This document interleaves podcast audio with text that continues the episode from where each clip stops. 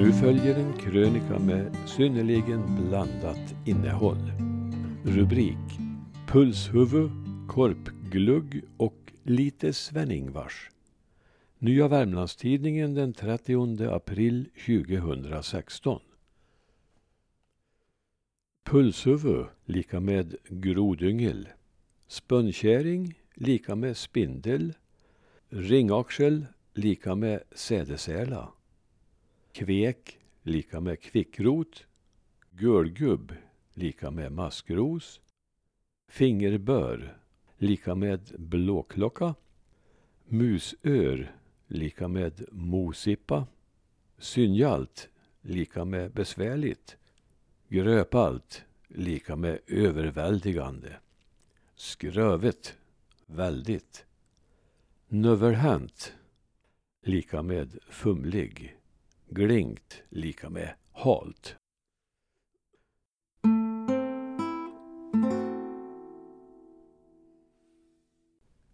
Tycker ni att det är besvärligt med nordvärmländsk dialekt? Det är väl inte utan, men har ni tänkt på så många underligheter det döljer sig i rikssvenskan? Jag ska ta några exempel så förstår ni strax. Om svenska språket. Att svenska språket är tänjbart till tusen. Det framstår som helt uppenbart. När jag frågade, säg, är det mulet idag? Fick jag svaret, ja, visst, det är klart. Eller den här om adjektiv. Att positiv kan övertrumfa komparativ var något som jag inte kunnat tro på för mitt liv. Tills jag en dag fick höra en i grannskapet som sa Idag så är jag bättre, men är ännu inte bra. Eller en matematiklektion. När läraren manade sin klass att prata mindre, räkna mera, så sa han, nu ska här bli bråk, sitt inte där och dividera. Ja, svenska språket har många motsägelser och andra underligheter. Ordet bestrida är ett ord som kan ha två motsatta betydelser. Om man åtar sig att bestrida kostnaderna tar man helt enkelt på sig att betala. Men om man väljer att bestrida en faktura innebär det att man vägrar att betala den. Att man inte lämnar någon möda ospard är ett uttryck för att man anstränger sig till det yttersta. Men vore det då inte mer konsekvent att ta bort oet på ospard? Kasta ett getöga är väl något vi alla gjort då och då. Man vill då gärna veta vad det är för speciellt med getternas ögon, men uttrycket har inget direkt samband med dessa djur. Det är det gammelsvenska ordet gäta, i norra Värmland gät, som betyder att valla eller vakta boskap. I år efter år har jag inte sett en tillstymmelse, för det är ju sådant man inte ser. Du hör aldrig någon som har sett en tillstymmelse förrän idag. Jag har nämligen sett en. Tillstymmelsen fanns i min etymologiska ordbok och förklarades som en stubbe. Och en sådan har jag absolut sett, utan tillstymmelse till tvekan. Så många ord och uttryck man använder utan att egentligen veta vad det är vi säger. En etymologisk ordbok kan vara till stor hjälp och kan ge många roliga och överraskande förklaringar. Vad är till exempel en husman i ordet husmanskost? Husman är ett gammalt nordiskt ord som ungefär betyder torpare. En som brukar jord han inte själv äger. Ordet används än i norska språket. Ordet hetlevrad kommer från den tid man trodde att vrede och heta känslor kom från levern. Jämför med uttrycket att reta gallfeber på någon. För att förstå ordet jobbspost bör man läsa Jobs bok i Bibeln. Gör det. Läser man vidare i andra böcker i Bibeln kan man få flera vanliga uttryck förklarade. Ordet ramaskri härrör från orten Rama utanför Jerusalem där Rakel gråter över sina barn som Herodes låtit mörda. Också Jeremia beskriver klagorop från Rama. Syndabockar beskrivs i tredje Moseboken där en bock symboliskt får ta på sig folkets synder.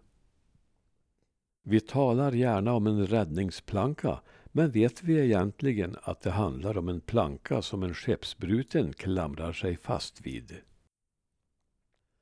Vidare talar vi om den springande punkten utan att veta att det från början handlade om den blodfläck i ett fågelägg där det första spåret av hjärtat visar sig. När man talar om att ta rubb och stubb använder man två ord som har ungefär samma betydelse. Det vill säga avskurna strån. Svenska språket är som sagt fullt av underligheter och spännande konstruktioner. Hur ofta vet vi egentligen vad det är vi säger? En etymologisk ordbok är en lärorik och spännande läsning som varmt kan rekommenderas. Ni hittar den i bokhandeln eller på biblioteket om ni håller korpgluggarna öppna. Vad då korpglugg? Jo, ett hål eller glugg i ett kyrktorn där fåglar brukar hålla till.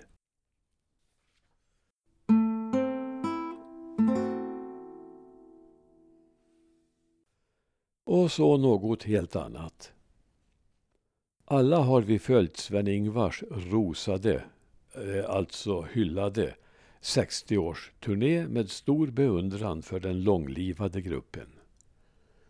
Många av oss till åren komna var barn eller ynglingar när vi fångades av deras speciella sound. Idag är gruppen sedan länge etablerad och godkänd i de mest kulturella kretsar. Tidningarnas recensenter strör med all rätt lovord över den senaste turnén. I sammanhanget kan det vara intressant att notera att en annan grupp som man också mycket väl skulle kunna beskriva som Sven-Ingvars på 60-års turné har gjort succé, fast i lite mindre sammanhang, runt om i Värmland. Det är den andra kvarvarande Sven-Ingvars pionjären, Ingvar Carlsson, som håller traditionen levande med sina gamla polare. De låter de gamla Hellberg och Skogman-låtarna ljuda på olika scener i landskapet med mycket av den ursprungliga känslan. Här har pressen inte visat stort intresse men publiken har varit desto mer entusiastisk och några publikrekord har noterats. De gamla polarna är, förutom Ingvar själv, sångaren Kalle Forsgren med förflutet bland annat i Göran Zetterlunds och vikariat i Sven-Ingvars och dessutom dragspelaren Anders Andersson från Dalsland och trummisen Jonny Nilsson från Säffle.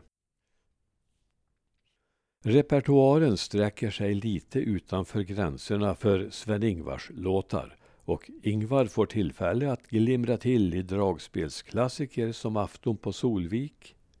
Jublet blir inte mindre när han drar gitarrboogie med sin röda Fender på ryggen.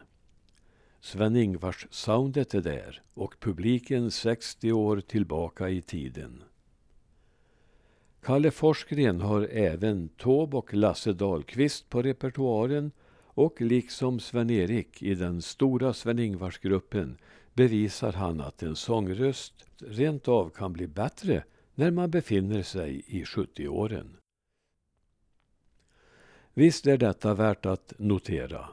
Seglivade Sven-Ingvars lever vidare i dubbel bemärkelse.